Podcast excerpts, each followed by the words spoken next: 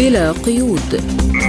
برنامج واسع الطيف نطلعكم فيه على آخر المستجدات على الساحة العربية والعالمية. حصريا من إذاعة سبوتنيك. ومن سبوتنيك في موسكو نرحب بكم مستمعينا إلى هذه الحلقة الجديدة من برنامج بلا قيود. نصحبكم فيها أنا فرح القادري. وأنا نغم كباس والبداية بأبرز العناوين.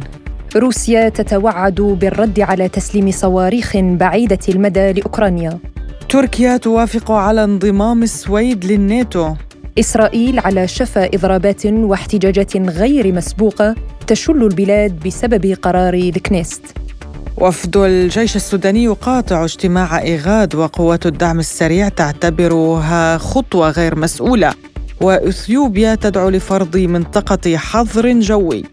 بنك الاستثمار الأوروبي يتيح لمصر تمويلات بأكثر من أربعة مليار دولار. لازلتم تستمعون إلى برنامج بلا قيود. نبدأ التفاصيل من مستجدات الملف الأوكراني وقرار فرنسا إرسال صواريخ بعيدة المدى لأوكرانيا حيث قال الرئيس الفرنسي أمانويل ماكرون قررت زيادة توريد الأسلحة والمعدات إلى أوكرانيا. نحن نؤكد التزامنا بعقيدتنا بالسماح لكييف بالدفاع عن أراضيها. لقد قررنا تزويدها بصواريخ جديدة تسمح لها بالضرب في العمق. اعتبر المتحدث باسم الرئاسة الروسية دمتري بيسكوف خطط فرنسا قرار خاطئ محفوف بالعواقب على كييف وقال إن قرار فرنسا نقل صواريخ بعيدة المدى إلى أوكرانيا سيجبر روسيا على اتخاذ إجراءات للرد. القرار الفرنسي لن يؤثر على مسار العملية العسكرية الخاصة بالطبع. لا تزال هناك حاجة إلى توضيح وتحديد عن أي مدى يدور الحديث. ومن وجهة نظرنا هذا قرار خاطئ. له عواقب على الجانب الأوكراني لأنه سيجبرنا بطبيعة الحال على اتخاذ تدابير للرد. وللحديث عن هذا الموضوع ينضم إلينا عبر الهاتف من برلين مدير المركز الأوروبي لدراسات مكافحة الإرهاب الدكتور محمد جاسم. أهلا بك دكتور محمد في برنامج بلا قيود. تحياتي تحياتي لكم. يا أهلا بك. يعني أبدأ من تصريح ماكرون الرئيس الفرنسي تزويد أوكرانيا بصواريخ بعيدة المدى والكرملين يقول سنرد على هذه الخطوة برأيك هل هي ضغوطات مورست على ماكرون أو ربما مكافآت لاتخاذ هذا القرار؟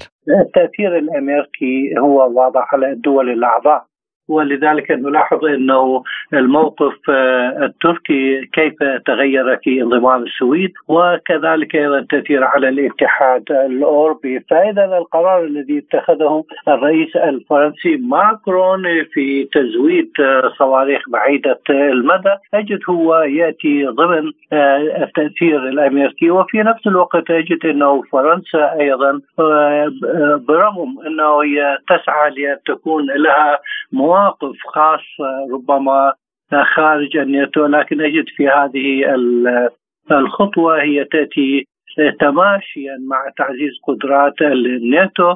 القتالية خاصة لو تحدثنا في الدعم الذي تقدمه الدول الأعضاء للناتو إلى أوكرانيا. فإذا ممكن العامل يعني التأثير الأمريكي وكذلك رغبة فرنسا في تعزيز قدرات أوكرانيا للدفاع عن نفسها أمام روسيا. ولكن روسيا تقول بأنها سترد يعني هذا تصريح آه، واضح من الكرملين ورسمي.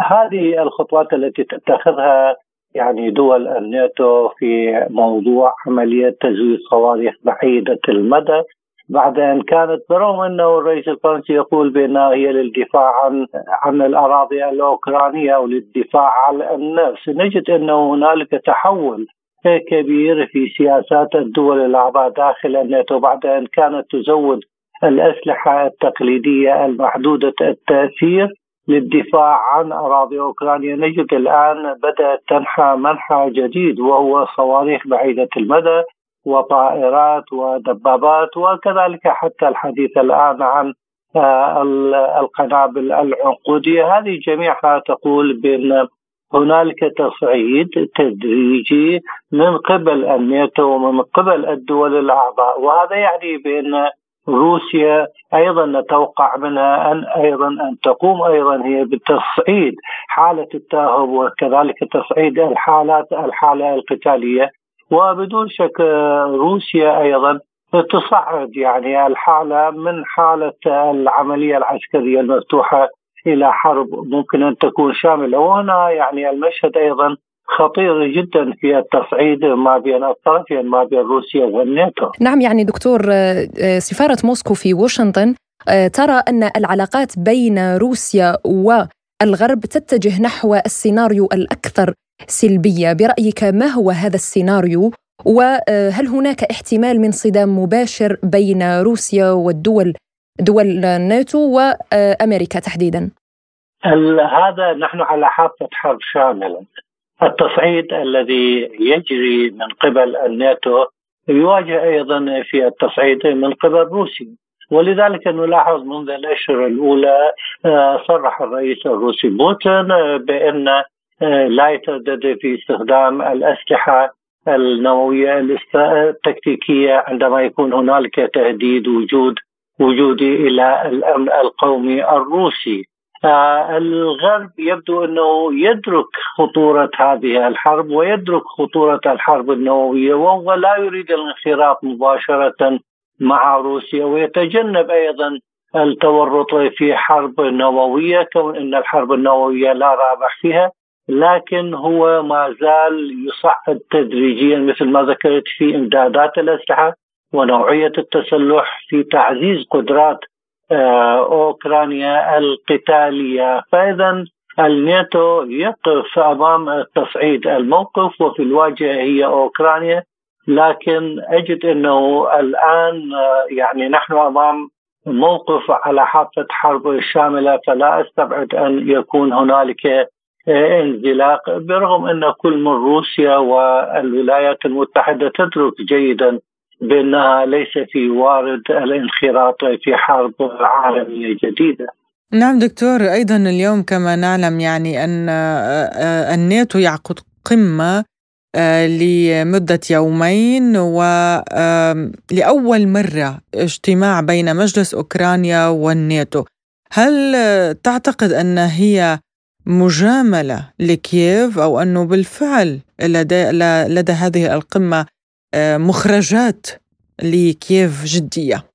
الضغوطات التي آه، وضعتها آه، كييف على الناتو طلبت أن يعني هذه المرة يجب أن تكون هنالك رسالة أو رد واضح في موضوع انضمام أوكرانيا إلى حلف الناتو أكثر مما يكون آه، رد دبلوماسي، لذلك يجد أنه في هذه في هذه القمة التي تنعقد في ليتوانيا هذا اليوم وغدا أجد إنه هذا المجلس المجلس آه، مجلس أوكرانيا الناتو هو ممكن أن يكون له مخرجات وهذه المخرجات هو رفع قدرة أوكرانيا في موضوع التسلح وربما إيجاد آه، مسار سريع لإيجاد تكامل آه، عسكري ما بين الكتائب الأوكرانية والناتو فإذا أجد أنه هو فعلا سوف يكون له تأثير في رفع قدرة أوكرانيا القتالية وكذلك تقديم إمدادات الأسلحة وهذا ما يراهن عليه الناتو وكذلك دول الغرب. فأجدها أنه هي أكثر مما تكون مجاملة كون أنه لحد الآن أجد انه الناتو بالفعل خطى خطوات كثيرة وجريئة في دعم أوكرانيا تجاوزت بصراحة كل التوقعات وكل التقديرات وهذا ما يجعل الرد الروسي ربما أن يرتقي إلى أكثر مما هو عليه في عملية تصعيد يعني روسيا. أيضا عززت قدرتها القتالية من حيث الكم وكذلك النوع وكذلك حتى في موضوع الأسلحة المستخدمة في هذه الحرب. فاجد أنه هنالك تصعيد وتعمل آه، مجلس آه، أوكرانيا آه، الناتو على آه، الارتفاع آه، أو تصعيد القدرة القتالية إلى أوكرانيا. فإذا هنالك نتائج ممكن أن تكون نتائج عملية لصالح أوكرانيا. نعم دكتور يعني مستشارة سابقة في البنتاغون كانت قد كشفت آه، بأن الولايات المتحدة الأمريكية تحاول التخلص من مخزونات عسكرية مخزوناتها العسكرية فترسل ذخائر عنقودية إلى أوكرانيا، هل برأيك اليوم الأراضي الأوكرانية هي حقل لحقل تجارب للمخزونات الأمريكية؟ هي آه، بالضبط هي حقل التجارب قبل مساعي الولايات المتحدة بإرسال ما لديها من مخزون القنابل العنقودية لاحظنا أنه كانت هنالك إمدادات بالأسلحة في الأشهر الأولى هي عبارة عن خرده عسكرية وكانت يعني محاولة من دول أوروبا وكذلك أعضاء الناتو بالتخلص من ترسانتهم التقليدية التي ربما لا تأثير أو لا تكون لها فاعلية في القتال. لكن لاحظنا أنه بعد فترة تغيرت هذه يعني هذا المنحى تغير بعد أن كانت مجرد أنه التخلص من هذه الترسانة القديمة حصلت أوكرانيا على أسلحة متقدمة خاصة لو تحدثنا عن دبابات ليوبارد وكذلك عن الطائرات الأمريكية وكذلك الآن نتحدث عن الصواريخ وكذلك حتى عن ال depleted uranium والأسلحة المنضبة باليورانيوم. هذه جميعها هنالك تحول. أما في موضوع القنابل العنقودية أجد أنه هذه القنابل العنقودية هي تسيء إلى أخلاقيات الحرب وتسيء إلى الولايات المتحدة. وبالفعل لديها الولايات المتحدة مخزون كبير من الجيل القديم من هذه القنابل العنقودية التي ممكن أن تصل نسبة إلى 2% آه، بعدم الانفجار في في ساحات القتال. وهذا يعني تهديد إلى آه، المدنيين. وكذلك هي تعتبر خارج أخلاقيات الحرب. فإذا هي مساعي أمريكية وإدارة بايدن للتخلص من القنابل العنقودية وبدون شك بعض الحروب هي كانت تجربة واختبار أيضا إلى بعض الأسلحة التي تقوم بها الولايات المتحدة، هذا حصل أيضا في العراق، نتذكر ذلك في حرب الخليج وكذلك في عام 2003. نعم دكتور يعني في سؤال أخير سريع، برأيك كما نقول السياسة لا شيء فيها ثابت والمواقف متغيرة كما تغير الموقف التركي و آه، تغير الموقف الفرنسي. برأيك هل هذا القرار الفرنسي جاء بعد أسبوع مشحون من الاحتجاجات التي شهدتها عدة مدن فرنسية؟ يعني ما علاقة ما حدث في فرنسا بتغير الموقف الفرنسي؟ المواقف الفرنسية أو ربما بعض الأزمات الداخلية تحاول بعض الحكومات آه، نقل الرأي العام من الأزمات الداخلية نقلها إلى الخارج، فإذا غير مستبعد أن تكون الخطوة الفرنسية هي تأتي أيضا ضمن التعبئة الداخلية وكذلك امتصاص ربما نقبة التظاهرات التي تواجهها آه، الحكومة الفرنسية ناهيك بأن اليمين المتطرف في آه، فرنسا بدأ يعني يهدد أو ينافس كثيرا الرئيس ماكرون فيجد أنه هذه جميعها تصب في موضوع القرار الفرنسي في إرسال الصواريخ إلى أوكرانيا. نعم نشكرك مدير المركز الأوروبي لدراسات مكافحة الإرهاب الدكتور محمد جاسم شكرا لك على هذه المداخلة. شكرا جزيلا. لازلتم تستمعون إلى برنامج بلا قيود. وإلى ملفنا التالي عن موافقة تركيا لانضمام السويد للناتو إذ صرح الأمين العام لحلف الناتو ينس ستولتنبرغ أن الرئيس التركي وعد بتقديم طلب السويد لعضوية الناتو إلى البرلمان التركي للتصديق عليه في أقرب وقت ممكن. وقال ستولتنبرغ بعد لقاء مع الرئيس التركي ورئيس وزراء السويد في فيلنيوس يسعدني أن أعلن أن الرئيس أردوغان وافق على إرسال بروتوكول انضمام السويد إلى الجمعية الوطنية الكبرى أي البرلمان التركي للتصديق عليه في أقرب وقت ممكن. هذا يوم تاريخي. وعلق الكريملين على هذا الموضوع إذ قال المتحدث باسم الرئاسة الروسية ديمتري بسكوف إن أوروبا لا تريد رؤية تركيا في الاتحاد وعلى أنقرة ألا ترتدي نظارات وردية في هذا الشأن. يمكن لتركيا التوجه نحو الغرب فنحن نعلم أنه في تاريخ الجمهورية تركيا كانت هناك فترات من التوجه الشديد نحو الغرب وكانت هناك فترات أقل شدة. لكننا نعلم أيضا أنه من الأفضل أن نسمي الأشياء بأسمائها الحقيقية. فلا أحد يريد أن يرى تركيا في أوروبا وأعني الأوروبيين. ولمناقشة هذا الموضوع ينضم إلينا عبر الهاتف الخبير بالشأن التركي طه عودة أوغلو. أهلا بك أستاذ طه في برنامج بلا قيود ونبدأ من هذا التغير لموقف تركيا يعني أمريكا تؤيد فكرة انضمام تركيا للاتحاد الأوروبي وتسليمها مقاتلات F-16 برأيك هل هذا هو ثمن موافقة تركيا على انضمام السويد لحلف الناتو؟ يعني تحدثنا عن أن المشكلة ما بين تركيا والسويد هي ليست مشكلة تركية سويدية هي مشكلة تركية أمريكية بالدرجة آه، الأولى. عندما طرح رئيس تركيا رجب طيب إردوغان شارلز الاتحاد الأوروبي أضاف الولايات المتحدة الأمريكية في هذا التصريح وكأنه يتحدث عن المشاكل ما بين أنقرة وواشنطن وخاصة فيما يتعلق بمقاتلات إف 16 يبدو واضح بأن حاليا آه، الضوء الأخضر من قبل أنقرة لمنح السويد العضوية في آه، الناتو هو جاء بعد تنازلات آه، أمريكية لتركيا وليست السويد المتعلق بموضوع هناك المطلوبين أو مشروع أو مكافحة الإرهاب. هي التصريحات الأمريكية كانت فضفاضه نوعا ما فيما يتعلق بدعم تركيا للاتحاد الأوروبي ولكن التصريحات الغربية كانت يعني واضحة والتي جاءت من قبل آه، ألمانيا، انقره تعي تماما بأن دخول الاتحاد الأوروبي هو لن يكون آه، سهلا.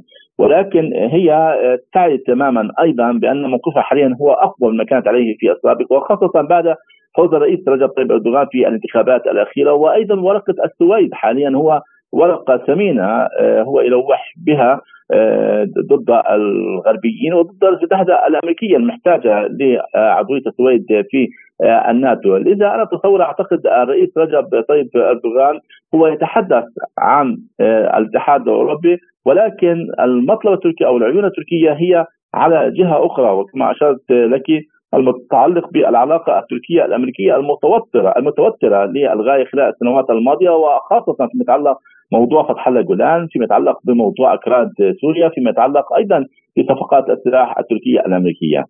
حقيقة هناك يعني تركيا تؤكد ذلك وتؤكد أن انضمامها للاتحاد الأوروبي سوف يعطي دفعة للاتحاد أو للقارة العجوز خاصة في ظل يعني هناك الصعوبات التي تعاني منها وخاصة بعد الأزمة الروسية الأوكرانية والضعف التي منيت به جراء هذه الحرب وخاصة اقتصاديا نتحدث وأيضا فيما يتعلق بأزمة الطاقة. لذا هناك من يرى أو شريحة ترى دخول تركيا مهم جدا كعضو في حلف الناتو وأيضا يعني يعني دولة حيوية آه، أتحدث عن الاقتصاد متحرك دائما. نعم نتحدث عن أزمة اقتصادية في تركيا ولكن هناك تحركات ممكن أن تخدم دول الاتحاد الأوروبي. ولكن أنا أتصور أعتقد هي المشكلة مشكلة آه، سياسية وصاعقة وقديمة جدا ما بين تركيا والاتحاد الأوروبي وخاصة فيما يتعلق بموضوع العضوية.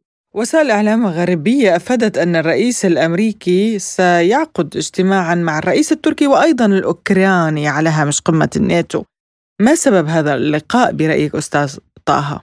يعني أتصور أعتقد هناك آه، ضغوط أمريكية واضحة أو بدأت واضحة خلال الفترة الأخيرة الماضية تتذكرين يعني اللقاء ما بين أردوغان وبايدن خلال العامين الماضيين كان دائما شحيحا جدا حتى الاتصالات ما بينهم على عكس ما بين أردوغان وترامب في تلك الفترة. ولكن إن دل هذا يدل على أن هناك حاجة أمريكية بالدرجة الأولى لتركيا وإن دل أيضا على أن هناك ضغوط أمريكية مكثفة. نتحدث عن هناك أربعة اتصالات جرت ما بين وزير الخارجية التركي والأمريكي خلال الشهر الماضي وهذه حقيقة للمرة الأولى وهذا إن دل يدل على أن الولايات المتحدة الأمريكية تحاول قدر الإمكان الضغط على أنقرة من أجل إعطاء الضوء الأخضر للسويد من الانضمام في حلف الناتو. في سؤال أخير أستاذ طه يعني يجري الرئيس التركي رجب طيب أردوغان زيارة إلى المملكة العربية السعودية والإمارات وقطر في النصف الثاني من هذا الشهر. في إطار يعني تعزيز التعاون بين العواصم العربية وأنقرة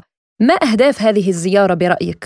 أنا أتصور أعتقد هي آه، زيارة اقتصادية بحتة بالدرجة آه، الأولى على عكس العلاقة إن كانت آه، أو التركية المصرية التي تبعناها خلال الفترة الأخيرة الماضية وصلت إلى مرحلة متقدمة هناك علاقات سياسية تركيا خارجيه وصلت إلى مرحلة متقدمة للغايه وخاصة في الفترة الأخيرة مع الإمارات والسعودية. لا اتحدث عن قطر قطر علاقة جيدة منذ تقريبا سنوات ولكن حاليا هناك وعود آه، كانت لتركيا فيما يتعلق بموضوع الاستثمارات نائب الرئيس ووزير المالية كانت في قطر وفي الإمارات قبل أسبوع. من الآن هناك حديث أيضا عن استثمارات تركيا السعوديه خلال المرحلة المقبلة. لذا أنا أعتقد أن هذه الزيارة سوف تفتح باب الاستثمارات الذي كان مغلقا طيلة السنوات الماضية ما بين أنقرة ودول الخليج.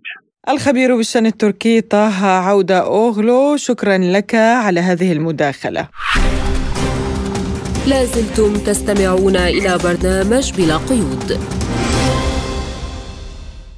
وإلى منطقة الشرق الأوسط وفي الشأن الإسرائيلي انطلقت في إسرائيل تظاهرات وإضرابات تحت اسم يوم المقاومة. ويخطط منظموها لتكون الأوسع في البلاد بعد ساعات من إقرار الكينيست قانونا مثيرا للجدل ضمن حزمة تشريعات لإصلاح القضاء.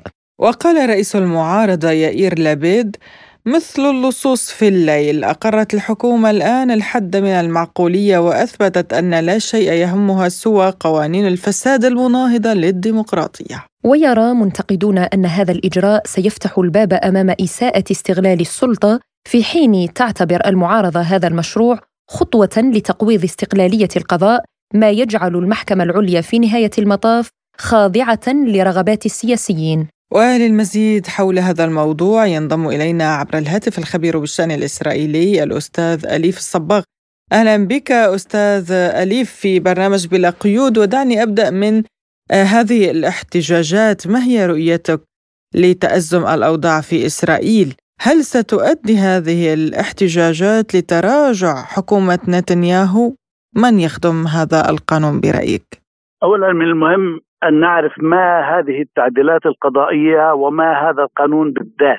هذا القانون اللي هو اسمه حجة المعقولية أو امتحان المعقولية وفق المصطلح البريطاني لأنه هذا القانون جاء من المصطلح البريطاني من القانون البريطاني. حجة المعقولية أو امتحان المعقولية ينطبق على كل الإجراءات الحكومية أو موظفي الحكومة أو وزراء الحكومة أو رؤساء السلطات المحلية أو الهيئات التابعة للحكومة عندما تتخذ قرار فيه تفسير للقانون ولكن غير معقول. عندها تتدخل المحكمة العليا وتقول هذا القرار لا يمر امتحان المعقولية. لذلك يجب إلغاؤه.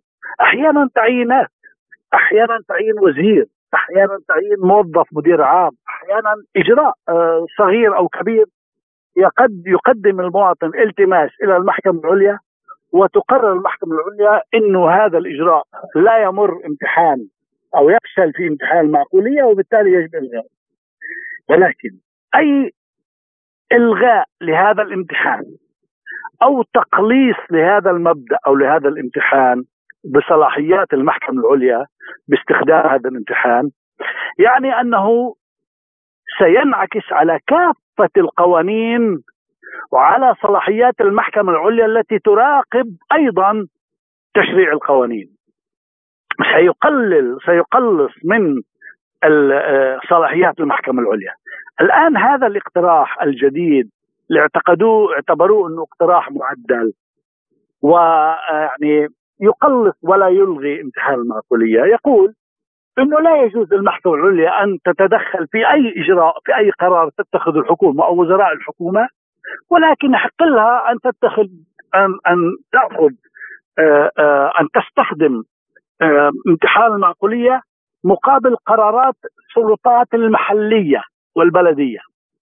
يعني الكنيسة والحكومة حافظت على نفسها وتركت المحكمة العليا تحاسب رؤساء السلطات المحلية فقط. ولكن هذا الإجراء سينطبق على القوانين الأخرى على موضوع لمن الغلبة للكنيست أو للمحكمة العليا. هناك احتمال كبير أن تشن أن تقرر الكنيست تشرع الكنيست قوانين غير ديمقراطية مناقضة للقوانين المعمول بها حاليا وتقلص من مساحة الديمقراطية ومن عمق الديمقراطية في مفهومها الجوهري. إذا هذه بداية لتقليص لإنهيار هيبة المحكمة العليا في إسرائيل.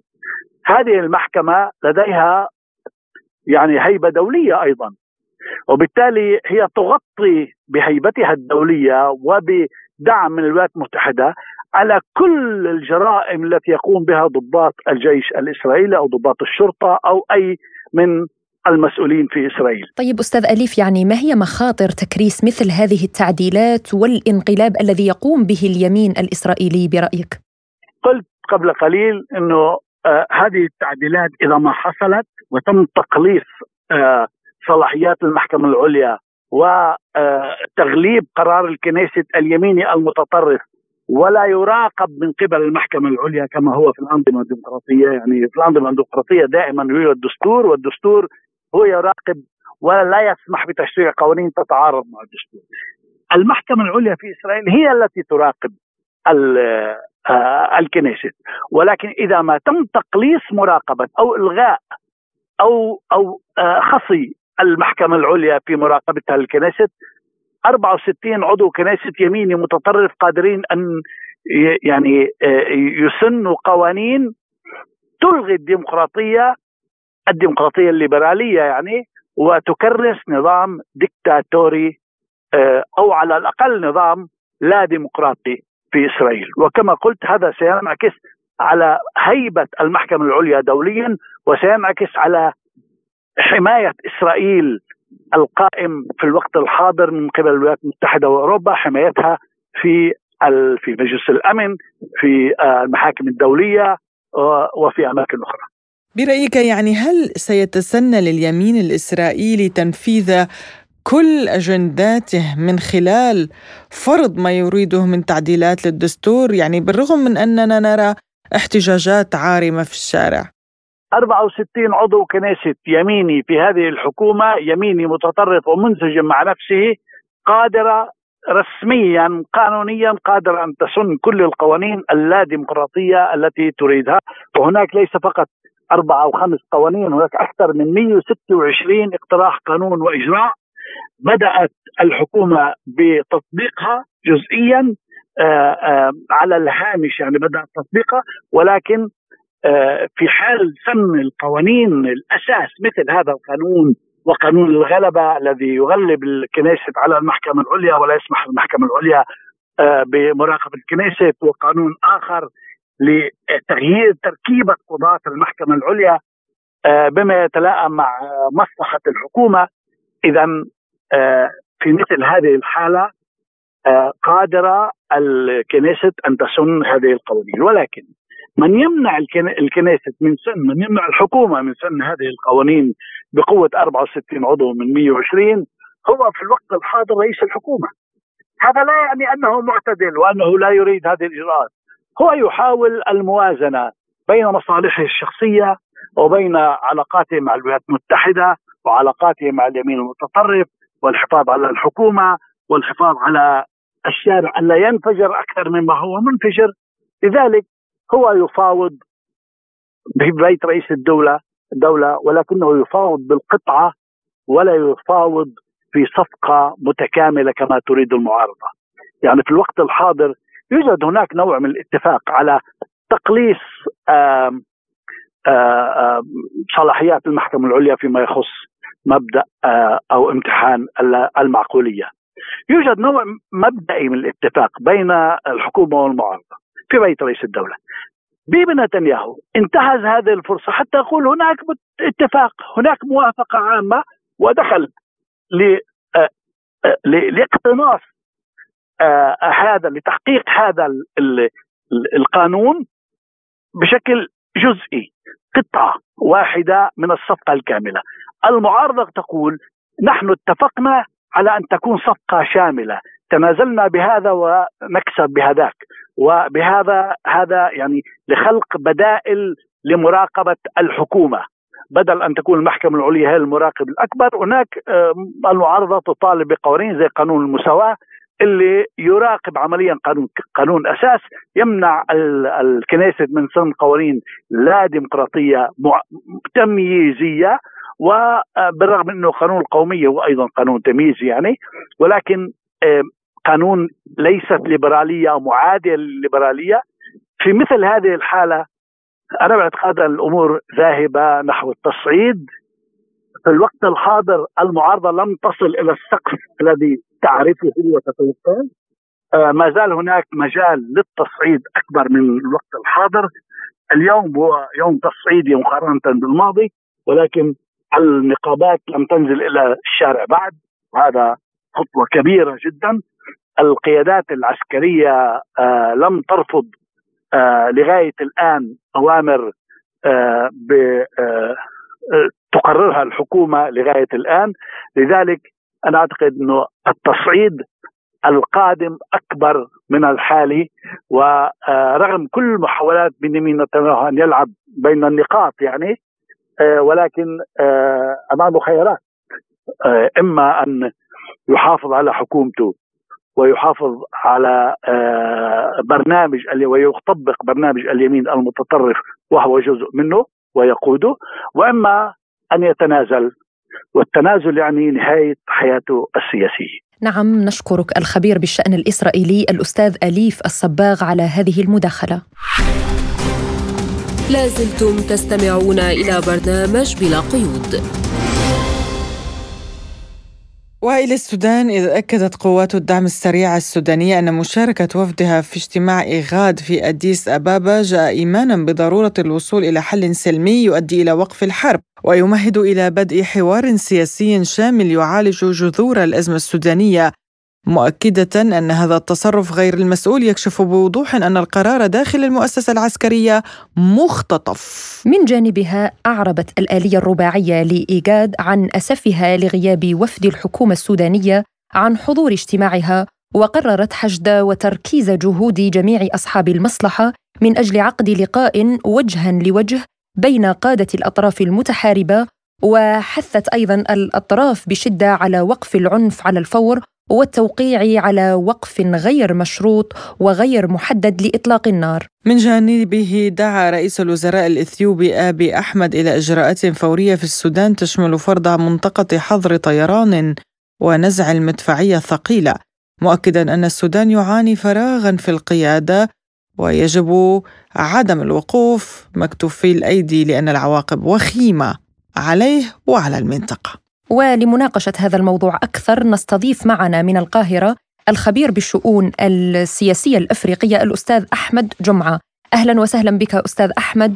ويعني ما هي قراءتك لعدم مشاركة القوات المسلحة في هذا الاجتماع ومقاطعته؟ يعني خصوصا بعدما وصفته قوات الدعم السريع بأنه تصرف غير مسؤول. بعد التحية لحضرتك المستمعين الكرام بالتأكيد الجيش السوداني رفض المشاركة في قمة الإيجاد بسبب رئاسة كينيا لتكتل شرق إفريقيا. هذا التكتل له دور هام ومحوري لكن هناك تحفظ من الجانب السوداني وتحديدا من قوات الجيش السوداني على رئاسة كينيا لتكتل شرق إفريقيا. كينيا ليست بالوسيط النزيه ما بين القوات المسلحة السودانية وبين قوات الدعم السريع وهو ما دفع قوات الجيش السوداني لمقاطعة اجتماعات إيجاد وتحفظ القوات المسلحة السودانية على رئاسة كينيا لايجاد لانها لا تتمتع آه، وفق رأي الجانب السوداني لا تتمتع بالنزاهه في عملية الوساطة ما بين الجيش السوداني وقوات الدعم السريع فضلا عن آه، آه، الأطروحات التي طرحت من إيجاد بنشر قوات في العاصمة الخرطوم لفصل الصراع ما بين قوات الدعم السريع والجيش السوداني، الجيش السوداني يرفض هذا الأمر ويعتبر نفسه المؤسسة الوطنية الوحيدة في البلاد وأن قوات الدعم السريع هي قوات متمردة خرجت عن الشرعية تحاول أن تقفز على الحكم. وبالتالي هنا يتحفظ الجيش السوداني على فكرة مساواة قوات الجيش السوداني مع قوات الدعم السريع، قوات الدعم السريع عبارة عن تشكيلات مسلحة ميليشيات منها عناصر إفريقية أجنبية من خارج السودان تقاتل إلى جانب الدعم السريع. وبالتالي لا يمكن أن يتم المساواة ما بين تشكيلات وتكتلات مسلحة وما بين جيش نظامي وطني معترف به في البلاد. وبالتالي قاطع الجيش السوداني اجتماعات إيجاد والسبب الرئيسي كما قلت هو رئاسة كينيا لتكتل شرق إفريقيا. من مصلحة من تعطيل هذه التسوية برأيك يعني والدفع باتجاه الحرب الأهلية؟ الأطراف الإقليمية والأطراف الخارجية التي لها مصلحة في السودان واجنده خاصة في السودان. هذه الأطراف تغذي الصراع المسلح تغذي الأطراف بأسلحة وبمعدات وتحديدا قوات الدعم السريع، هذه الأطراف ليس من مصلحتها أن تتوقف الحرب ما بين الجيش السوداني وبين قوات الدعم السريع، تهدف هذه الأطراف لتحقيق مصالح بعينها. طمعا في ثروات السودان واملا في الاستفادة من الموقع الجيو استراتيجي لدولة السودان، دولة السودان أحد أهم الدول التي تقع في القارة الإفريقية هي تعتبر سلة القارة الإفريقية حال تم الاهتمام بالأراضي الزراعية وزراعتها وكذلك تعد يعني أحد أهم أضلاع الأمن القومي الإفريقي، هناك دول متضررة من حالة عدم الاستقرار في السودان وتحديدا دول الجوار السوداني منها مصر منها تشاد أفريقيا الوسطى، هذه الدول تتضرر بشكل مباشر بسبب أعداد النازحين، مصر على سبيل المثال استقبلت حوالي ربع مليون مواطن سوداني في ظل أزمة اقتصادية طاحنة تعصف بدول العالم وبالتالي هذا يشكل عبء على دول الجوار السوداني صاحبة المصلحة الأولى في حل هذا الصراع بعيدا عن التدخلات الخارجية، التدخلات الخارجية سببا رئيسيا واساسيا في اذكاء الصراع المسلح ما بين الجيش السوداني وقوات الدعم السريع. يعني برأيك هل هذا التصعيد هو نتيجة للتدخلات الخارجية كما أشرت حضرتك؟ خصوصا وأن العالم يعاني من حالة عدم أمن غذائي والسودان دولة غنية بالثروات الطبيعية. صحيح. هو أيضا صراع على الثروات، الثروات النفطية، صراع على الذهب، صراع على اليورانيوم كما يحدث على سبيل المثال في ليبيا، ليبيا أحد أبرز الدول الواعدة التي تمتلك ثروات كبيرة في شمال إفريقيا، أحد أبرز المشكلات الرئيسية التي تعاني منها ليبيا هي التدخلات الخارجية، تدخلات أطراف خارجية تستقطب أطراف محلية في الداخل الليبي لتحقيق أجندة بعينها، هذا هو المشهد في السودان أيضا، تدخلات خارجية بهدف الاستحواذ على الذهب وبهدف السيطرة على مواقع استراتيجية، هناك دول لديها آمال وطموحات في أن يكون لها قواعد بحرية وعسكرية في السودان نظرا للموقع الجيوستراتيجي المهم لدولة السودان وبالتالي هذا يؤدي إلى إسكاء الصراع يبدأ الحل السياسي لهذه الأزمة من خلال وقف الاقتتال على قاعدة الثقة المتبادلة لكن للأسف الدعم السريع لا توجد سيطرة على القوات التي تتواجد على الأرض لأن هناك عناصر من المرتزقة. قائد الدعم السريع عاجز عن السيطرة على قواته وعدم الالتزام بالأوامر لأنها عبارة عن مجموعة من المرتزقه والميليشيات المسلحة بعكس الجيش السوداني هو جيش نظامي وبالتالي الخطوة الأولى لحل الأزمة السودانية تبدأ من وقف التدخلات الخارجية،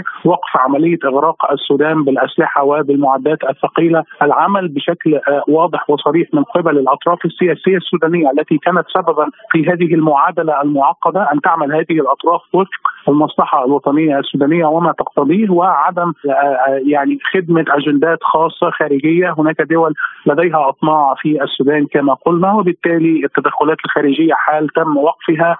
ووقف الامدادات بالاسلحه وغيره من الأمور يمكن ان تحل الازمه السودانيه، القاهره تستضيف يوم الخميس المقبل قمه لدول جوار السودان تهدف بالاساس إلى وضع حل لهذه الازمه، حل سياسي من خلال وقف الاقتتال والدعوه إلى تفعيل العملية السياسيه وتفعيل ما تم الاتفاق عليه ما بين الاطراف السودانيه بعيدا عن اي تدخلات خارجيه، التدخلات الخارجيه هي سبب الصراعات التي تعصف بالمنطقة سواء في سوريا، سواء في ليبيا، سواء في العراق، سواء في السودان، سواء في تشاد أو النيجر أو مالي، هذه الدول تعاني من التدخلات الخارجية وبالتالي يجب أن ترفع الدول المستعمرة في السابق والدول التي تسعى لاستعمار دول الاقليم حاليا لوقف تدخلاتها ورفع يدها عن هذه الدول، هذه الدول تتمسك بسيادتها وسيادتها واستقلاليتها وعدم التدخل في الشؤون الداخلية، وبالتالي هناك دور كبير على الدول العربية في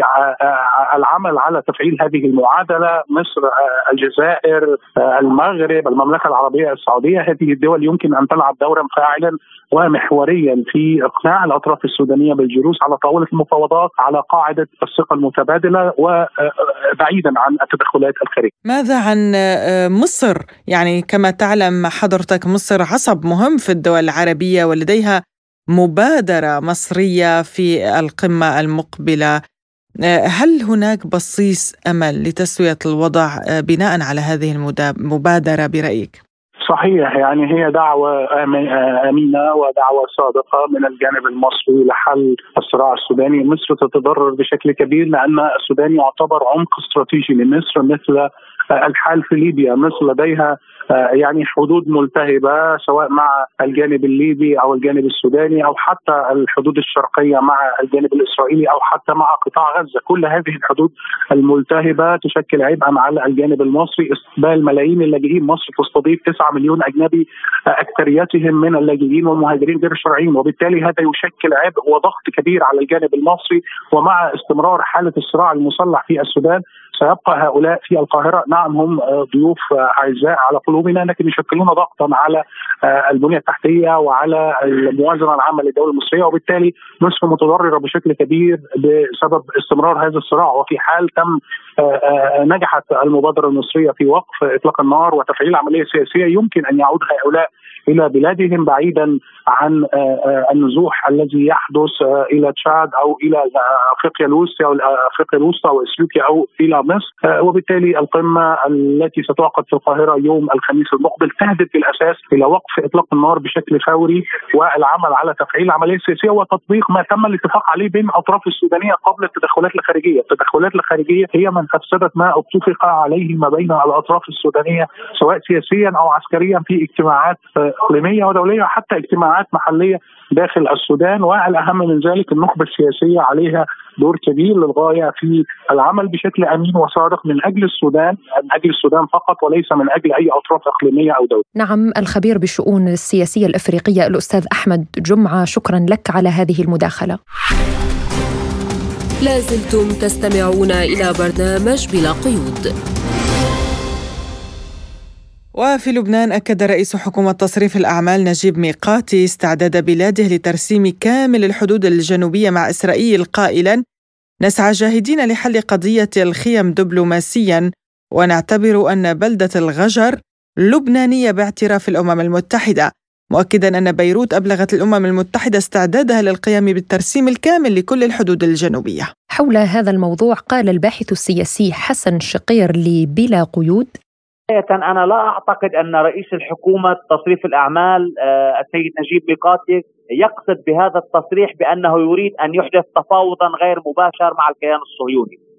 لأنه بصريحة العبارة الحدود البرية بين لبنان وفلسطين المحتلة هي حدود معروفة وهي الحدود المعترف بها دوليا وفق اتفاقية بولينيو كامب ما بين العامين 1920 و 23 لذلك نحن رفضنا أثناء الترسيم البحري بأن نعدل بأي سنتيمتر واحد بنقطه رأس الناقورة التي هي تعتبر الأساس والمنطلق لترسيم المياه الاقتصادية الخالصة للدولة اللبنانية. لذلك أعتقد أن يعني لغاية الآن لا يحدث لا يوجد أي تفصيل حول هذا الموضوع من هذا التصريح. فقط أنه أبلغ الأمم المتحدة استعداد لبنان ترسيم هذا الحدود. أي أن على ما أعتقد أن لبنان يطالب بالعودة إلى حدوده الدولية. يمكن أن يتحدث مع الأمم المتحدة حول حدوده الدولية المعترف بها دوليا. لأن هناك تفصيل مهم جدا ينبغي للسادة المستمعين ان يدركوه بأن خط الانسحاب الخط الأزرق وليس الحدود المعترف بها دوليا. هو خط الانسحاب يفرق خط الأزرق عن خط عن الخط الحدود الدولية بحوالي 13 نقطة التي يعني تقدر مساحتها بحوالي 400 فوق ال 460 كيلومتر مربع. إذا لم نتحدث عن مزارع شبعة عن الغجر ومزارع شبعة. أنا أتحدث عن نقاط. هناك 13 نقطة ما زال الكيان الصهيوني يحتلها داخل الأراضي اللبنانية. هي تقع بين خط الحدود وخط الانسحاب الذي هو خط الأزرق. وبخصوص دور الأمم المتحدة في هذا الملف أضاف شقير أنا أعتقد أن المعالم الحدود البرية بين لبنان وفلسطين المحتلة كوننا هذا العدو لا نعترف به ككيان كدولة قائمة هي حدود واضحة. وبالتالي لبنان يتحدث مع الأمم المتحدة لكي يقوم العدو بالانسحاب إلى خط الحدود المعترف بها دوليا. وليست القضية قضية تفاوض مع الكيان الإسرائيلي لأن كما ذكرنا أن الموضوع هو موضوع واضح المعالم. هناك خط حدود موجود في الأمم المتحدة.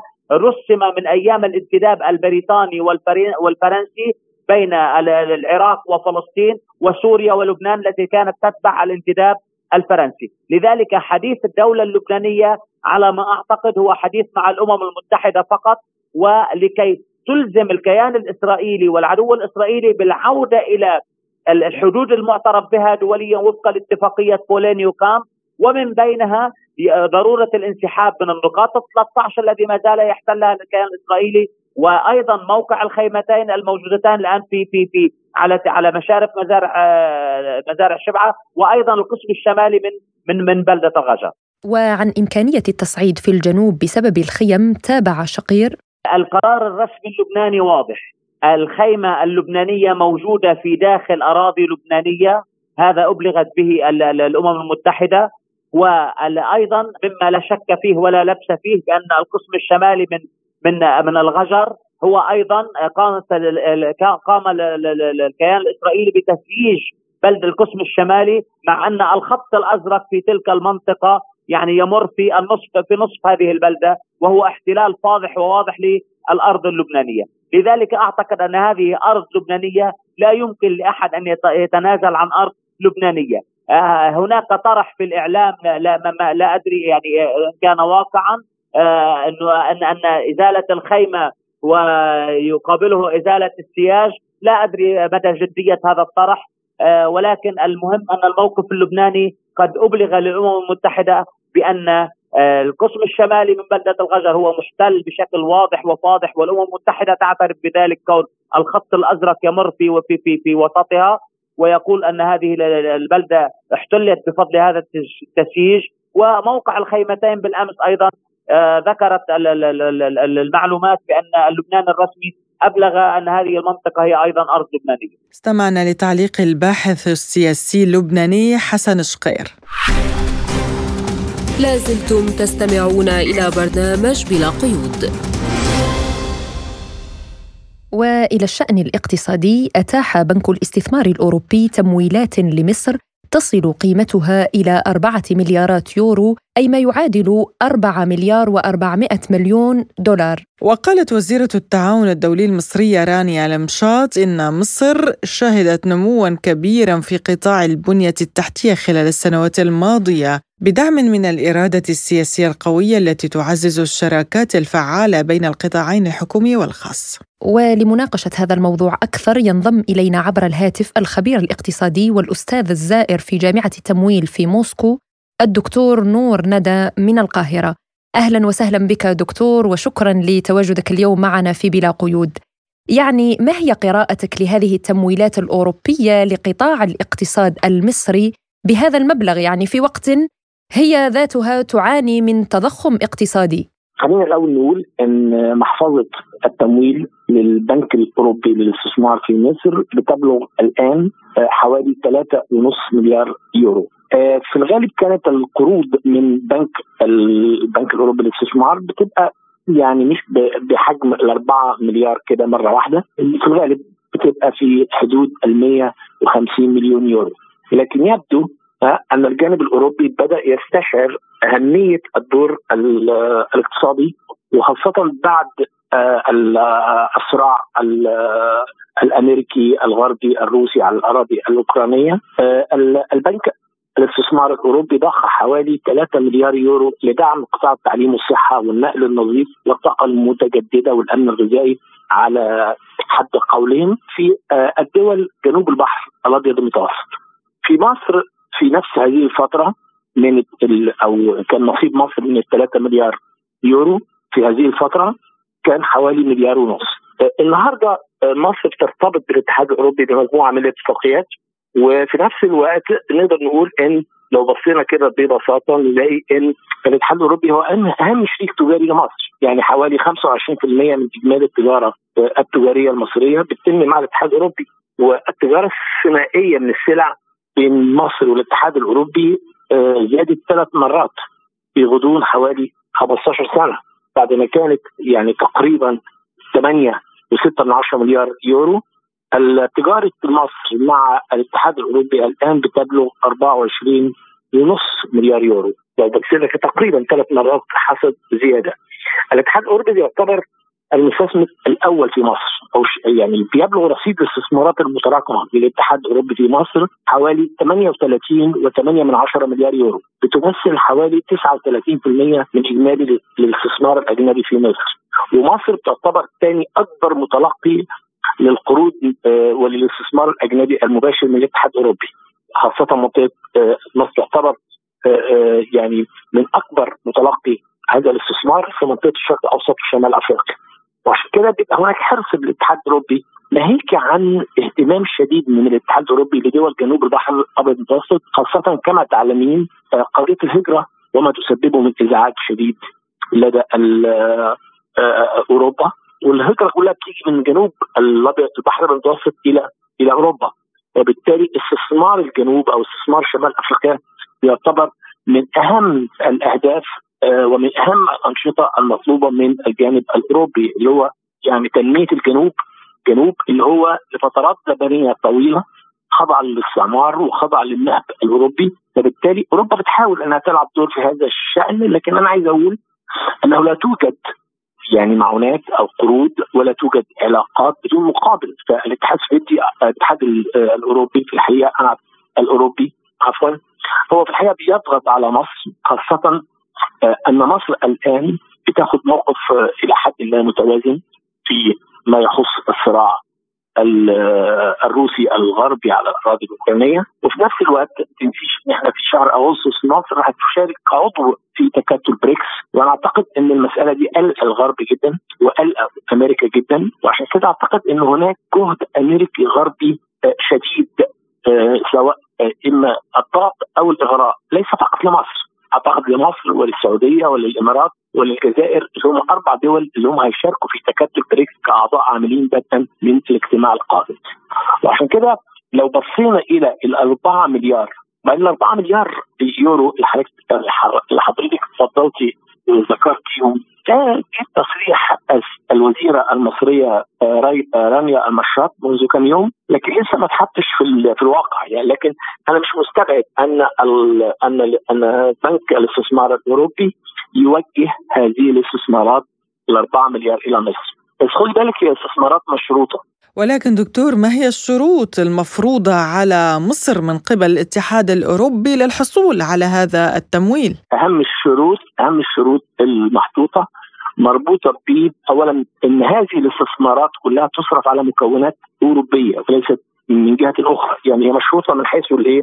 التوريدات ومن حيث التكنولوجيا نفس الوقت من حيث الإنفاق يعني مثلا استثمارات الاتحاد الأوروبي لا توجه للقطاع الحكومي أو للقطاع العام ولكنها توجه فقط للصناعات المتوسطة والصناعات الصغيرة. وعشان كده في الغالب لو انت بصيتي حول تاريخ القروض التي يقدمها بنك الاستثمار الأوروبي لمصر على سبيل المثال كلها هتلاقيها قروض ليست بين الحكومة المصرية وبين البنك. في الغالب بتبقى ما بين بنوك مصرية زي بنك مصر أو بنك الاستثمار العربي أو بعض البنوك أو بنك القاهرة أو البنك الأهلي المصري بصدد تنميه القطاع الخاص وتحديدا تنميه الصناعات الصغيرة والمتوسطة. نعم يعني أشرت إلى الاستثمارات في مجال الأمن الغذائي وكما تعلم العالم يعاني من هذه المشكلة آه، سواء بسبب جائحة كورونا أو المتغيرات المناخية وأيضا بعد الأزمة الأوكرانية الراهنة. برأيك ما مصلحة الاتحاد الأوروبي في التعاون في هذا المجال مع الجانب المصري؟ خلينا نبص على الميزان التجاري لدول لدول شمال أفريقيا وللدول العربية ولمصر كمان. هتلاقي تقريبا إن 70% من الواردات غذاء أكل 70% من الواردات أكل. فهنا مع والمصدر في الغالب بيبقى أوروبا، أوروبا من المصدرين الأساسيين للغذاء وللطعام للمنطقة العربية ولمصر. وعشان كده أنا أرى إن يعني هذا الكلام ليس صادق 100% وأعتقد إن الأوروبيين شايفين إن حلقة إنتاج الغذاء آه، لابد أن تكون في إيديهم وذلك لإخضاع المنطقة والتعامل مع المنطقة على إنها ما زالت مستعمرات خاضعة لهم. آه، فرنسا إلى الآن تتعامل مع الجزائر على إنها مستعمرة فرنسية، الإنجليز لغاية دلوقتي ما نسيوش إن مصر كانت مستعمرة بريطانية. عايز أقول إن أوروبا بالنسبة لنا بتحمل رصيد وتراث استعماري حققت للمنطقة آلام وحققت للمنطقة عملية نهب منظم وأعتقد إن أحد أسباب تخلف وفقر المنطقة العربية ومنها مصر هو الدور الأوروبي وخاصة دور إنجلترا وفرنسا وأوروبا بشكل عام. يعني نعلم دكتور أن آه، الاقتصاد المصري يعاني من التضخم وهناك تغيرات كثيرة في المنطقة وفي العالم أثرت على الاقتصادات بشكل عام. هل يمكن أن نرى تعاونا روسيا مصريا أو مصريا مع دول الشرق الأوسط للخروج من الأزمة؟ ده سؤال مهم جدا. آه، خلينا نقول آه، اولا فعلا الاقتصاد المصري يعاني من مشاكل حادة ترتقي إلى مستوى الأزمة آه، والدولار احد العملات الضاغطة وأحد العملات التي تسبب وتعظم من حجم الأزمة التي يعاني منها الاقتصاد المصري والمواطن المصري. وعشان كده أنا أعتقد إن من القرارات الصائبة جدا اللي اخذتها الإدارة المصرية هي عضوية تكتل البريكس بما يسمح هذا التكتل من تعاملات تجارية خارج نطاق الدولار أو خارج هيمنة الدولار.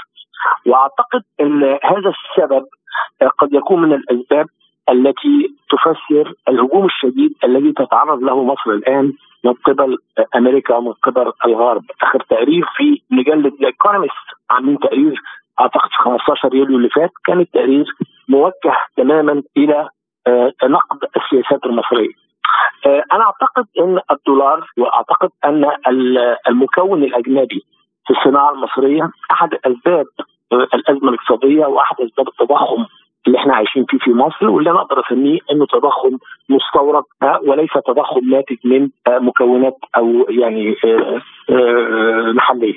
ولهذا الأزمة الاقتصادية المصرية أنا أعتقد الحكومة المصريه بتفكر جدا في كيفية الخروج من هذه الأزمة سواء بتنويع مصادر التجارة الخارجية سواء بالتوقيع على اتفاقيات بيتم تسويتها بالعملة الوطنية سواء بالدخول في تكتل البريكس سواء بتحسين وتطوير العلاقات المصرية الروسية اللي تنمو الآن بمعدلات في الحقيقة مرضية جدا للطرفين للطرف المصري وللطرف الروسي. نعم نشكرك الخبير الاقتصادي والأستاذ الزائر في جامعة التمويل في موسكو الدكتور نور ندى كنت معنا من القاهرة.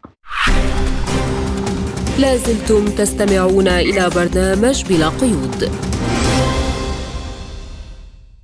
ملفنا التالي أيضا من لبنان حيث انتشرت منذ أيام لوحات إعلانية في أنحاء البلاد تحمل صورة الرئيس الروسي فلاديمير بوتين وهو يحتضن نسخة من القرآن الكريم أهديت إليه خلال زيارة له لمسجد في داغستان. وقال رئيس مكتب التعاون الروسي اللبناني محمد ناصر الدين في حديث لوكالة سبوتنيك إن الولايات المتحدة الأمريكية وبريطانيا وبعض الدول الأوروبية الغربية تحاول إقحام العالم في نفق العنصرية الإنسانية والدينية والانحلال الأخلاقي والإنساني والمجتمعي بفعل الأساليب والأفكار والسلوك التي تفرضها وتمارسها. لازلتم تستمعون إلى برنامج بلا قيود. موضوعنا الأخير أيضا من لبنان إذ أثار مقطع فيديو لتعنيف طفل داخل دار حضانة في البلاد سخطا واسعا على مواقع التواصل الاجتماعي يبين قيام مربية في الحضانة بضرب أحد الأطفال على فمه وحشر الطعام لكي يأكل. وهذا دفع الغضب الواسع من الفيديو إلى تحرك السلطات اللبنانية وأعلنت وزارة الصحة اللبنانية عن إغلاق الحضانة بالشمع الأحمر إثر توافر معطيات مؤكدة أظهرها التحقيق السريع في قضية تعنيف الأطفال. ودعا وزير الصحة القضاء اللبناني إلى إنزال أقصى الإجراءات العقابية بحق المرتكبين وقال إن الإغلاق لا يكفي يجب أن يكون العقاب عبره لمن اعتبر وفقا لبيان صادر عن مكتبه فيما أعلنت المديرية العامة لقوى الأمن الداخلي اللبناني إيقاف كل من المدعوتين دال حاء مواليد 1979 وطهمي مواليد 1985 وأكدت أن التحقيق مستمر بناء لإشارة القضاء. وبهذا نصل وإياكم مستمعينا الكرام إلى ختام حلقة اليوم من برنامج بلا قيود. كنا فيه معكم من استديوهاتنا في موسكو أنا فرح القادري. وأنا نغم كباس. إلى اللقاء. إلى اللقاء.